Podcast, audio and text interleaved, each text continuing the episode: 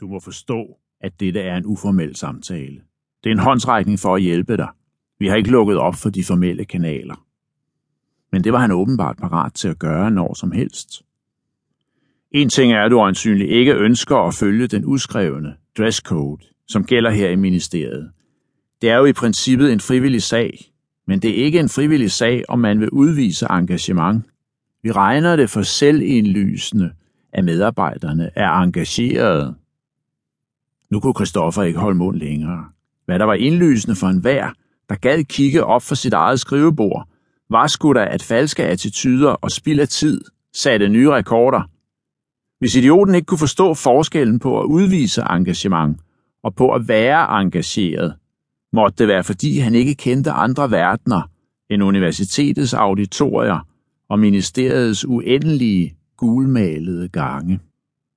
Du må meget undskylde, skriver, men der har ikke været noget fornuftigt at lave i ugevis. Arvid skriver så på Christoffer med et blik, der vidnede om en næsten opbrugt tålmodighed. Det er da muligt, man kunne tillade sig den holdning i din gamle politikræs. Her i Justitsministeriet er der i princippet altid vigtige opgaver.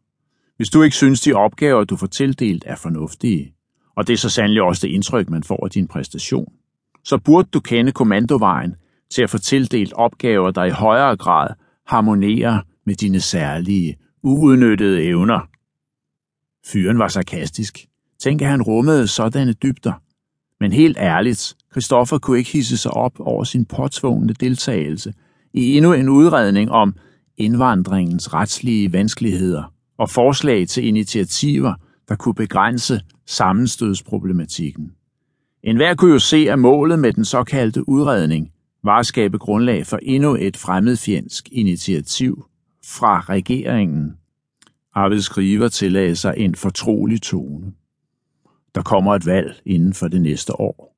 Ministeren sagde til mig, at hun lægger stor vægt på, at vi hele tiden kan være markant foran oppositionen, og det gælder både oppositionen til venstre og den til højre, og både i forhold til faktiske informationer og lovinitiativer. Ja, justitsministeren, Christoffer måtte indrømme, at hun, som man kunne sige det i venners bramfri lag, lignede et godt hug. Selvom tv-kameraerne ikke sjældent kom for tæt på hendes ikke helt velholdte hud. I de farvestrålende magasiner tog hun sig virkelig godt ud. Men politikken, der udgik fra hende, var alt for reaktionær efter hans smag. Varetægtsfængsling uden tidsfrist, anonyme vidner, kollektive telefonaflytninger, lagring af data om borgernes sms, e-mail og telefonopkald og andre former for øget overvågning var nogle af de ting, hun gik ind for. Selvom han var uenig i det meste af den politik, der var grundlaget for deres arbejde i ministeriet, var han ofte imponeret over hendes måde at fremstille tingene på. Christoffer måtte stiltigende give Helle Vibeke ret i, at her var endnu en af hans talrige fejl. Et blødt punkt med kvinder, der så lidt godt ud. En af hans yndlingsfejltagelser. Jeg antager, at du er klar over, at vi afholder denne samtale for din egen skyld. Du tillader forhåbentlig at blive personlig et øjeblik. Jeg må spørge dig. Har du personlige problemer? Ja, det vedkommer naturligvis ikke mig, men du kender jo vores mulighed for at tilbyde assistance, også i den relation. Hvor var han dog dum? Og hvor ragede det ikke ham? Christoffer afviste mumlende, at han havde flere personlige problemer end enhver anden på denne årstid.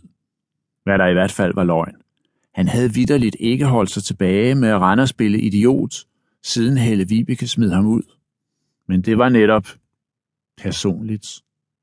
Godt, det bliver dit eget anlæggende. Som sagt havde jeg et længere møde med ministeren i mandags. Ja tak, det har vi hørt. Og vi drøftede også en række sager af mere fortrolig karakter. Der foreligger således en særlig opgave, hvor jeg umiddelbart tænkte på dig. Den passer for så vidt til dine kompetencer og til din personlige profil. Profil, rend mig i røven. I hvert fald så frem vi ser bort fra dit forhåbentlig forbigående, vigende engagement. Man kan også udtrykke det på den måde, skriver rømmede sig manende, at det kunne være din sidste chance for at bevare, hvad i det mindste andre regner for et godt job. Nu blev han grov, den lille. Det var jo simpelthen en uformel advarsel, han der fyrede af. Christoffer rykkede sig ilde til mode tilbage i stolen. Må man ryge her? Vinter? Nej.